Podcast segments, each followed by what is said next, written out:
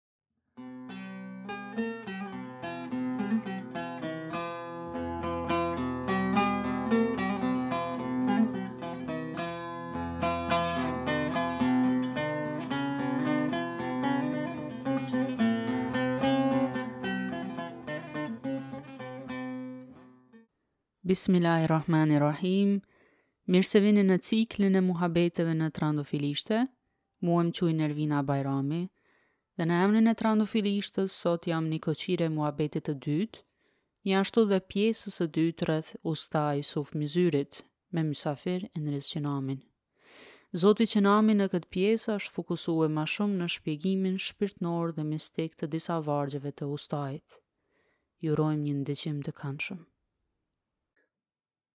Zoti Endres, faleminderit që keni ardh prap në muhabetin e dytë për Usta Isuf Myzyrin. Edhe kjo është pjesa e dytë e muhabetit mëparshëm, e pam të udhës që me vazhdu me muhabetin, e, se u duk me bereqet shumë. Kështu që besoj se ju keni shumë për të thonë për Isuf Myzyrin. Faleminderit, është kënaqësi që po ritakohemi. Usta Isufi ka shumë për të thënë.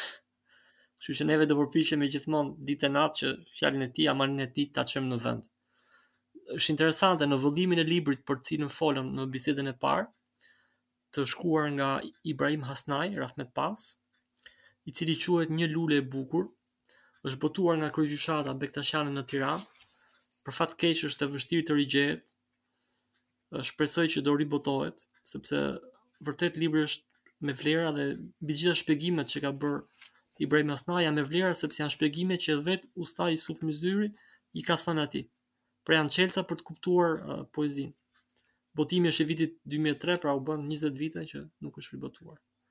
Uh, kënga e parë, edhe pse siç e thamë në bisedën tonë më të mëparshme, nuk kanë nuk kanë thjesht këngë, po po themi këngë për ta kuptuar më thjesht, është dritës tate xhevahir, s'ka njeri m'i vu kimet, si Jusufi në Misir, prej bukurisë u ba mbret.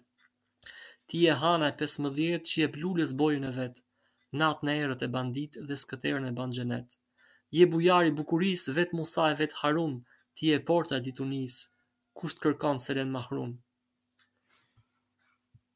Një fragment, nuk e lexova të gjithë sepse është mirë ndoshta dhe të dëgjohet. Uh, mm. Po, ajo që është interesante është që pse Usta Isufi e nis si me thënë ciklin e tij me këtë këngë. Sepse këtu ai flet për njeriun. Dhe është interesante, flet për njeriun si krijesa më e përsosur e natyrës. Me këtë këngë, në të vërtetë, përmenden profetët, përmendet profeti Jusuf, me të cilin e nisëm në fillim, në Misir, pra në Egjipt, pra kemi një Është shumë e qartë për cilin po flasim. Përmend dhe profet, profetët Musa dhe Harun, dy vëllezër. Paqja qoftë me gjithë profetët, por aludohet edhe për profetin Muhammed sallallahu alaihi wasallam, sepse kur thotë ti e hëna e 15. E hëna e 15 Badr është dhe një ndër mënyrat për t'iu drejtuar profetit, është dhe një ilahi e famshme arabe, Tala al-Badr. Ë, mirëpo është shumë interesante Vetë ustai në këtë këngë, sipas shpjegimit të Ibrahim Hasanajt, për të cilin unë besoj është shpjeguesi më i saktë, sepse vetë Ibrahimi ka qenë një mistik shumë i madh. Ibrahim Hasanaj ka qenë dhe ai vetë bektashi, ka qenë tirans, biles shumë pak familje tiranse kanë qenë bektashi, me thënë të vërtetën. Ai vetë ka vendosur të hynë të themi në rrugën e mistikës, në një moshë të re, dhe ka njohur dhe poetë të tjerë mistikë shqiptarë, për shembull ka njohur poetin e madh me origjinë nga Tirana, poetin nga Zenel Bastarin, i cili është shumë shumë pak i njohur. Ka qenë bejtexhi dhe një njeri shumë i njohur i mistikës. Pra, Ibrahim Hasanaj përveçse ka shkruar vetë libra, të cilat për fat të keq nuk akoma s'janë botuar janë në dorëshkrime, ka shkruar shumë në shtypin e kohës. Ka qenë njeri i përndjekur, ka ka ka ka vuajtur shumë periudhën e regjimit komunist. Ka qenë njeri që vetë ka qenë shumë shumë shumë i thelluar në këto tematika. Pra është vërtet një burim shumë shumë i rëndësishëm i dijes, i dijes mistike. Dhe kjo këngë ose ky nefes, siç e thamë në bisedën e parë, pra kjo këngë shpirtërore, kjo ilahi në thonjza në traditën themi bektashiane, vërtet përmbledh arketipet përmend profetët. Por në të vërtetë ai flet për arketipin e profetit. Arketipi i profetit është njeriu i përkryer është vetë profeti Muhammed sallallahu alaihi wasallam. I cili gjendet dhe te profeti Harun, profeti Musa, profeti Jusuf, alayhi salam, po gjendet dhe tek vetë njeriu që jemi ne. Pra ne kemi një dimension të cilin ndoshta nuk e kuptojmë sepse në të vërtetë neve shpesh herë për fat të keq ndalemi thjesht në aspektin historik të gjërave dhe harrojmë që historia përsëritet. Dhe prandaj ustai i flet vetvetes. Dhe prandaj vetë nuk e mbarova poezinë, e bëra kastile dhe në, në fund thotë diçka të tillë shumë bukur thotë. Si fije ari bin shiu i majit, e pret bota me çarçaf. Me të vërtetë unë të kam bezdis, duj garibin se asht gjynaf. Elbasani një gjylizar, me trandafila i plotësu. Ah, Jusuf, more budal, pije pije i ku për mu. Pra, e kuptojmë që po i flet vetvetes, dhe sigurisht, uh, ai që shumë e rëndësishme është të kuptojmë që shumë fjalë të cilat neve i kemi njohur në një dimension, në të vërtetë ka një dimension tjetër, për shembull, vetë fjala budalla, ai vetes të vet i thotë budalla, domethënë diçka që për njeriun modern është e pakonceptueshme, sepse kuptimi i tij është njeri i drejtë, njeri i sinqertë, njeri i pastër, dhe në vargun e fundit edhe një herë po rivijmë tek tematika e bisedës së parë. Pija mistike, kur thotë pije, pije, thotë është diçka që ndeshet shumë rëndom në poezinë sufiste. Dhe vetë Usta Jusufi e përdor shumë herë. sepse qëllimi i tij nuk është pija, po është dehja shpirtërore edhe një herë, jo dehja trupore. Mos na keqkuptojnë njerëzit, ose ekstaza, ose do të themi më tepër instaza, ekstaza e brendshme. Ë, diçka që është vjen nga brenda jashtë. Pra jo një fenomen që për arsye të jashtme njeriu bëhet në thonjëza në ekstazë. Kjo është një gjendje shpirtërore ku njeriu ndihet në një gëzim të përhershëm, ku njeriu ndihet i dashuruar në çdo çast, për dashurinë e pamasë që ka dhënë krijuesi i dashurisë, i dashuri. Dhe kjo gjë shfaqet në zemrën e tij. Dhe e bën që të braktisë çdo gjë tjetër. Të tjera poezi, në të tjera poezi Usta Jusuf Myzyri ka të tjera shpjegime, po gjithmonë vjen në këtë metafizikë. Hmm. Kuptoj. Thotë në një tjetër poezi, thotë, ç'ju luta Zotit në dua, Pra, është dua, është lutje. Nuk ka tjetër lumturi. Pra nuk ka tjetër lumturi përveçse lumturisë për t'iu drejtuar krijuesit. Në këtë kasole thotë mbuluar me bar, të rrojmë në mal si bari. Pra njohja e dimensionit shpirtëror të lutjes është e lidhur ngushtë me njohjen e njeriut në të gjithë dimensionet e qenies së tij. Lutra, lutja drejt Zotit është në të vërtet një akt urtësie, është një lloj diturie që reflekton vetëdije dhe vetëpërmbajtje. Vetë fjala urtësi i ka të dyja dimensionet, dhe dijen dhe vetëpërmbajtjen e kësaj dije. Pra, ta përdorësh aty ku duhet dhe aq sa duhet. Zgjimi i vetëdijes e bën njeriun të kuptojë se edhe pse ai nuk është unik si qenie, në të vërtetë përmban në vetvete gjithçka që është në ekzistencë, qiellin, tokën dhe gjithçka që ekziston.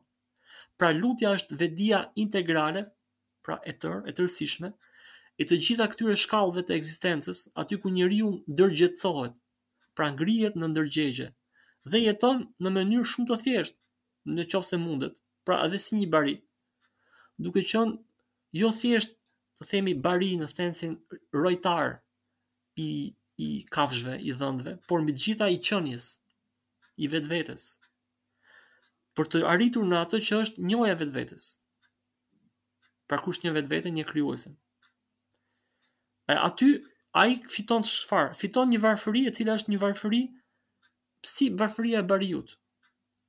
Por, është një lloj varfërie shpirtërore, një lloj fukar, fukarallëku, i cili të jep dinjitet. Sepse është diçka që është e zgjedhur vetë, dhe vetë profetët kanë qenë ose barinj, ose njerëz të thjeshtë, revelata u ka ardhur në në shkretëtirë. Pra, është tamam shembulli profetik që e ndjek vetë ustai nëpërmjet krijimit të tij. Dhe gjithçka, gjithçka edhe një herë për të riardhur te tradita dhe mbrojtja e amanetit të traditës. Pra me këto çelësa të kuptimit të poezisë, me këto shprehje metaforike, metaforike, me këtë mistikë aq të të të të të të mirë të, të njohur dhe të shpërfaqur, gjithmonë poeti na fton neve që të ta kuptojmë amanetin e krijuesit. Hmm. Është një hadith kutsi që thuhet e, që thuhet se isha një thesar i fshehur edhe deshta me u njoft, prandaj krijuva krijimin. për arsye që me u njoft edhe përmendet edhe hadithi tjetër që është edhe thanie e shumë urtarve tjerë, profetve tjerë, njih vetveten që ta njohësh Zotin. Uh, aq sa e kuptova, këtu u fol për konceptin e insani qamilit ose njeriut të përkryer. Apo? Po, po, ë uh, qëllimi, qëllimi i poezisë dhe muzikës shpirtërore është që ta ta bëjë njeriun nga një krijesë e përhumbur në një krijesë të përkryer. Pra nga harresa në kujtesë. Nga të themi mohimi në pohim. Nga errësira në dritë. Por duke kuptuar gjithë rrugëtimin, duke kuptuar nevojën që ka njeriu të kalojë nga faza të ndryshme, siç dhe vetë natyra është e tillë dhe krijimi është i tillë, nga dita në natë, nga nata në ditë. Mm. Për këtë duhen metafora. Edhe vetë librat e, e, që janë të zbritura, librat e shenjtë flasin me metafora. Pra, dhe vetë ato neve na ftojnë që të kuptojmë simbolikën atë që gjendet përtej asaj që është e shpërfaqur. Pra anën e errët, të gjejmë errësirën në dritë, ose më tepër dritën në errësirë. Mm. Në një tjetër moment poetik, Usta Isufi thotë, thotë bariu mikun e dëfren, pra rivjen tek bariu, meqë folëm që parë. Edhe fyllit duke i ranë, zakonet e vjetra i rrëfen, kështu gjyshërit na i kanë lanë. Sa ambël raka ky fyll kush ka vesh për me nigju larg u ndodh Isuf Myzyri bariut afër iu afru ky moment është moment i jashtëzakonshëm sepse flet për shumë tematika që i cekëm dhe ndoshta do flasim prap aq shumë nuk kanë fund muhabetet në të vërtet në qoftë se nuk e kuptojmë neve e dëgjojmë atë këngë themi ah sa bukur fylli dhe mund t'i biem dhe fyllit mund t'i biem klarinetës mund ta bëjmë edhe me muzikë moderne këngën e Isuf Myzyrit po jo në të vërtetë ai nuk flet thjesht për një instrument muzikor edhe pse merr uh, merr si me thënë merr frymë nga instrumenti muzikor dhe fylli në të vërtetë është një instrument shumë emblematik sepse është personifikimi i frymës Por, në të vërtetë, në këtë poezi, fylli simbolizon vetë njeriun, pra insani qamilin. Sepse siç vetë kallami është i prerë nga kallamishtja për t'u bërë fyll, ashtu dhe vetë njeriu është ndarë nga krijuesi i tij. Dhe të dy rënkojnë, dhe tregojnë mallin kur ishin të bashkuar me burimin, me origjinën. me zanafillën. Ngashërimi i fyllit simbolizon përvojën e poetit. Pra kur ai përjeton bashkimin me të përhershmin, ai transportohet totalisht në të dhe nuk shpreh më tjetër gjë në vetveten e tij, pra nuk ka më individualitet. Është përtej individualitetit të tij. Është është është termi që njihet shumë mirë në mistikën arabe, fana, pra asgjësimi i vetvetes. i egos. Gjithçka e tjetër që e largon njeriun nga krijesa, nga krijuesi, krijesa nga krijuesi. Pra, ë uh, uni i njeriut vetë uni i tij bëhet instrument. Instrument i amanetit. Për të shkuar nga një gjendje e cila nga kjo gjendja e të themi e fenas për cilën folëm, Pra nga asgjësimi shkon në një beka, pra në një, një gjendje të përjetësisë. Dhe prandaj është shumë e rëndësishme që të ruhet amaneti, kur thotë poeti, kështu gjyshi na e ka lanë, pra besniku i amanetit, dhe vetë thotë unë u ndodha larg, Pra vetë ai e kupton sa larg është, të themi destinacionit final. Thot Ibn Arabiu udhëtimi thot nuk ka fund sepse dhe destinacioni i udhëtimit është pa fund, sepse krijuesi i udhëtimit është i pafundshëm. Hmm. Pra dhe vetë njeriu ai e kupton se sa larg është, por thot bariut iu afrova. Bariu në këtë në këtë moment simbolizon rojtarin e dijes, pra njeriun e urt. mësuesin e urtë. Nëse vetëm në këtë moment që folëm në këtë muhabet e kuptojmë se sa i thellë është poezia, mm. sa e thellë është poezia e tij. Apo jo. E përmendët fyllin edhe natyrisht kur përmendët fyllin mua më kujtohet Hazreti Mevlana Rumi me nejin e tij edhe me fillimin e mesnevisë së tij, uh, tamam e spjegon uh, atë çka thatë ju. Po është interesant se fylli është i zbrazët. Tash kemi edhe temën e zbraztisë. Uh, në përëndim tema e zbraztisë, ose në kohët moderne, kur, kur thue jam, jam tu u ni zbrazët, është një farë konotacioni negativ. Po Po e kam përshtypjen që në konotacionin shpirtënor të sufizmit ka një domethënie krejt ndryshe. Sigurisht, poezia e usta Isuf Myzyrit ngjan shumë me poezinë e kolosëve të mistikës, sepse nga ato e ka marrë vetë burimin ose frymëzimin. Është mbushur nga ato. Është përmbushur. Hazreti Mevlana sigurisht njihet tek shqiptarët gojarisht dhe thelbi i mistikës tij ka qenë pjesë të themi e përditshmërisë.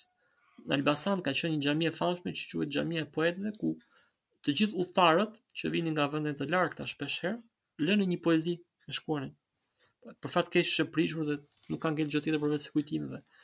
Pra, të themi poezia ka udhëtuar, siç kanë udhëtuar edhe njerëzit tema e zbrazjes dhe tema e përmbushjes është diçka shumë e thjeshtë për të kuptuar, por e vështirë për të aplikuar. Sepse nefsi ose egoja nuk e pëlqen këtë gjë. Pëlqen gjërat që janë gati, pëlqen mbushjen dhe nuk e do zbrazjen. Zbrazja çfarë është? Është një fenomen i detyrueshëm për njeriun. Fenomen i cili e bën çdo ditë, do s'do. Por në momentin kur e kupton që përtej anës lëndore ka një mba, një zbrazje, një mbushje shpirtërore, aty është dhe shumë e vështirë. sepse zaten ndoshta trupin dhe deri diku mund ta shofi, ta kuptoj, po shpirtin nuk e shef. Dhe për ta kuptuar duhet një retrospeksion shumë i madh, një njohje e vetvetes. Në aspektin lëndor është diçka siç është dhe vetë fylli, meqë e përmendëm. Fylli domethënë momentin që kputet, fillimisht duhet të zbrazet nga pjesa e brendshme që ka, të pastrohet. Pra, pa pasur një zbrazje, një boshllëk, që të krijohet boshllëku, ku kalon ajri, nuk mund të ketë tingull. Nuk mund të ketë frymë. Pastaj do të hapen vrimat, të cilat janë, si me thënë, dhe për njeriun janë momente ku njeriu bëhet një plagë. Por duke qenë se dhe digjet kjo plagë se në momentin që bëhet nej si fyell është një proces shumë interesant, hapen vrimat, pastaj në atë mënyrën tradicionale digjet pak, është vetë djegia e njeriut. Momentin që njeriu nuk digjet pra nga kjo zbrazëtirë dhe momentin që jemi në agjërim, e kuptojmë shumë mirë që është djegia, sepse e ndjejmë që jemi duke u zbrazur, edhe po digjen të gjitha mbeturinat që kemi në. Gjithçka që është në trup është duke u djegur. Dhe edhe fjala Ramadan është diçka që digjet. Ishte muaji më mm. i nxehti i vitit që në mënyrë tradicionale agjëronin dikur popujt në shkretirë arabët, popujt semitë. Pra, ky proces është proces gjithmonë që ka një për t'u përmbushur, jo, për t'u ndjerë i mbushur, i plotë, i plotësuar, duhet të kalojë këtë fazë e zbrazëtirës. Duhet të jetë vetë bari, duhet të jetë larg. Biles biles duhet që ai vetë të përjetojë kurbetin. Edhe vetë ustai thotë si më zo dhe unë garibi, Që s'më zu këmba dhe, në asnjë vend s'më zuri këmba dhe. E thotë garibi, domethënë në kuptimin që jo thjesht ë uh, gurbeti, pra garib gurbet, është e njëjta rrënjë. Nuk flet thjesht për një gurbet të themi tokësor, edhe një herë. Por është një mërgim, është një përvojë e tjetërsimit të njeriut, kur njeriu tjetërsohet. Pra, nga zbrazja shkon në mbushje dhe nga mbushja shkon në zbrazje. Dhe qëllimi është gjithmonë i njëjti për cilën folim është mërgimi final, i cili nuk është tokësor por qiellor. Prandaj dhe thotë s'më zuri këmba dhe.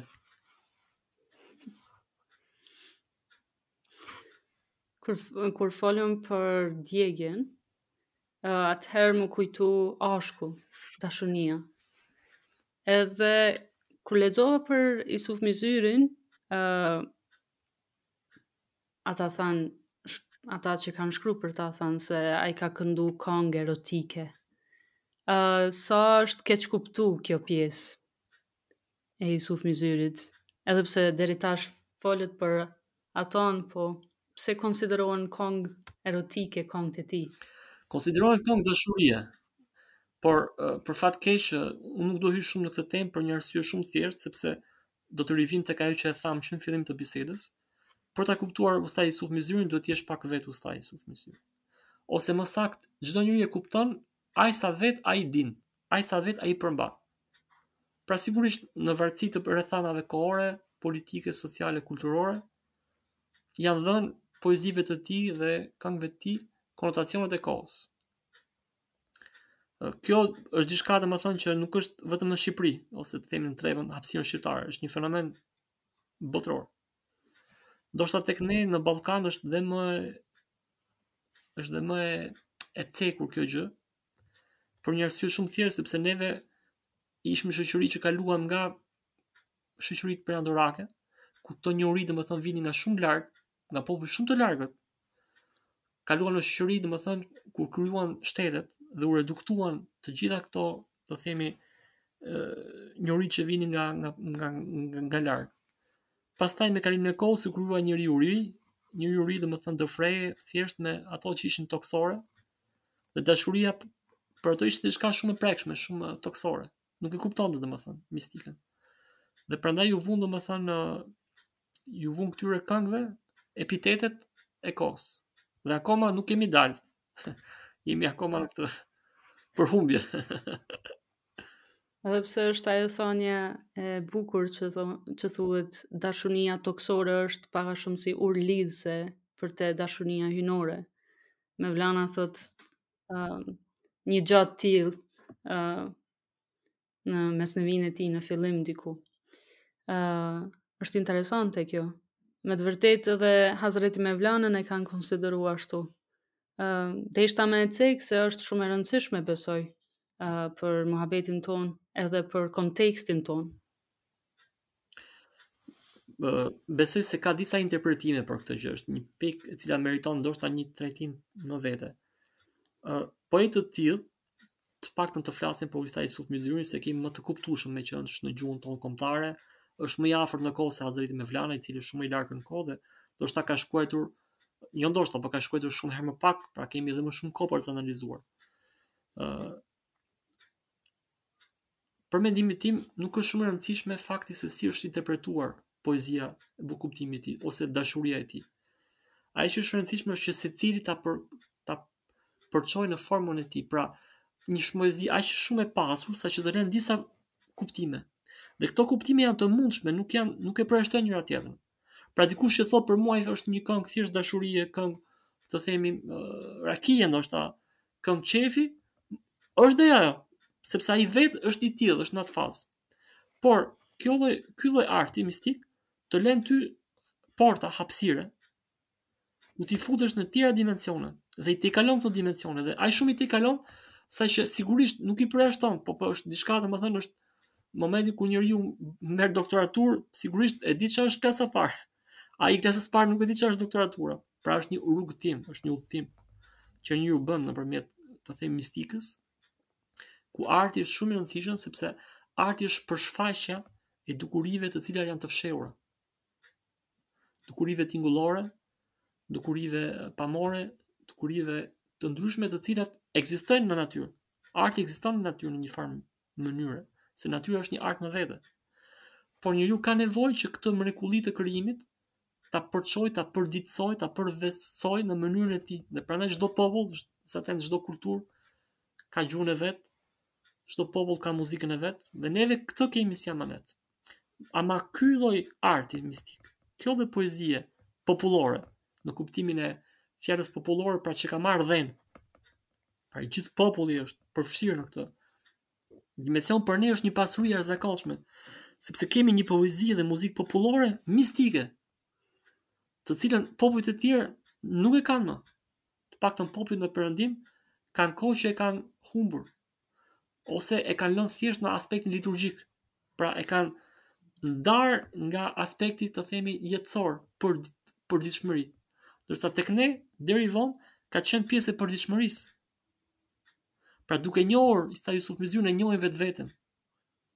E duke njohin vetveten njohin më mirë krijimin e krijuesit dhe krijuesin e krijimit.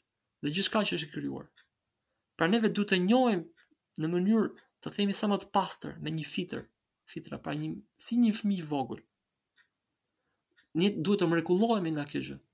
Ne të harrojmë gjitha këto analizat që kemi në kokën tonë, që shpeshherë na largojnë nga kjo njohje direkte, nga një burim i dijes që është pa limit.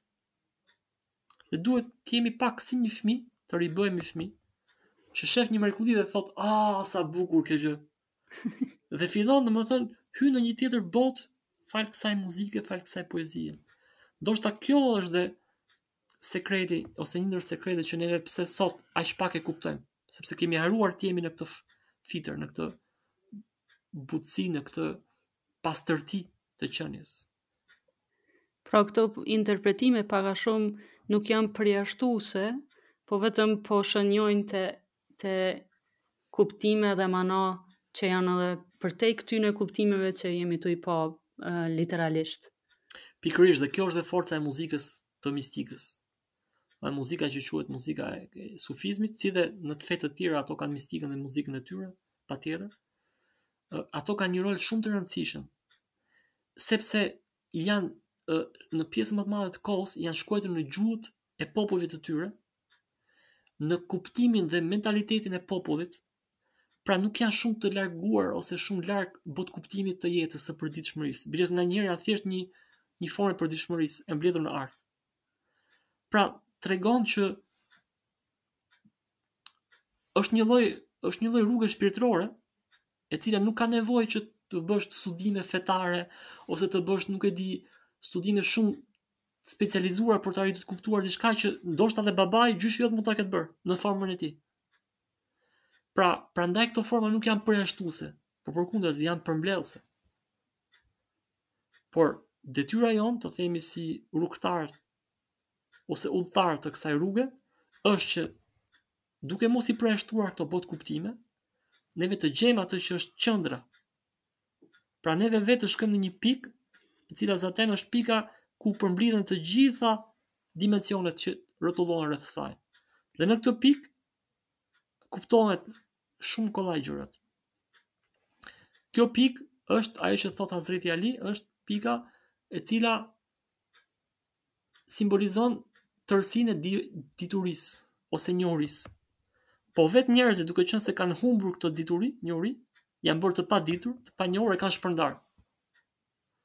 Një pjesë ka shkuar në Persi, një pjesë ka shkuar në Afrikë, një pjesë ka shkuar në Europë, një pjesë ka shkuar me kalimin e kohës në Amerikë, por në të vërtetë burimi i saj është një, është një pikë. Dhe një amanet i fundit që kam unë për brezat e rinj dhe për fundi fare për të gjithë brezat, jo vetëm brezat e rinj, po mbi të gjitha për të rinjtë, është që të mundohemi ta kuptojmë siç duhet në mënyrë që këtë pasuri, këtë amanet të trashëgimisë, ta bëjmë universale. Pra ne jemi krenarë që kemi një pjesë të vogël ndoshta, po edhe pse është e vogël, meriton që të ekzistojë dhe të njihet të kësaj trashëgimie të përshpirtshmërisë botërore dhe universale. Shumë përfundim i bukur edhe shumë amanet i bukur. Ëm uh, Po e mby-, përmbyllim këtu këtë muhabet. Ë uh, muhabeti, ky lloj muhabeti për një mend është i pafundmë. Ë uh, të faleminderit shumë për kohën, për fjalët edhe për dijen që e ndave me neve. Unë shpresoj se kena me fol prap tema tjera, edhe mbase për artistë tjerë, për këngëtarë tjerë, për poetë tjerë. Uh, po ishte kënaqësi. Faleminderit shumë. Ishte kënaqësi për mua. Faleminderit Ervina. Faleminderit për kontributin e jashtëzakonshëm nëpërmjet kopshtit të luleve dhe kopshtit të trëndafilave ose trëndafilishtes ose gjylizarit që të cilin Usta Jusuf Myzyri e përdor shpesh, sepse vërtet ne kemi nevojë të marrim sadopak nga kjo esencë dhe uroj që të jemi të gjithë pak sebep për t'i dhënë një erë të mirë njëri-tjetrit. Faleminderit shumë. Selam. Aleikum selam.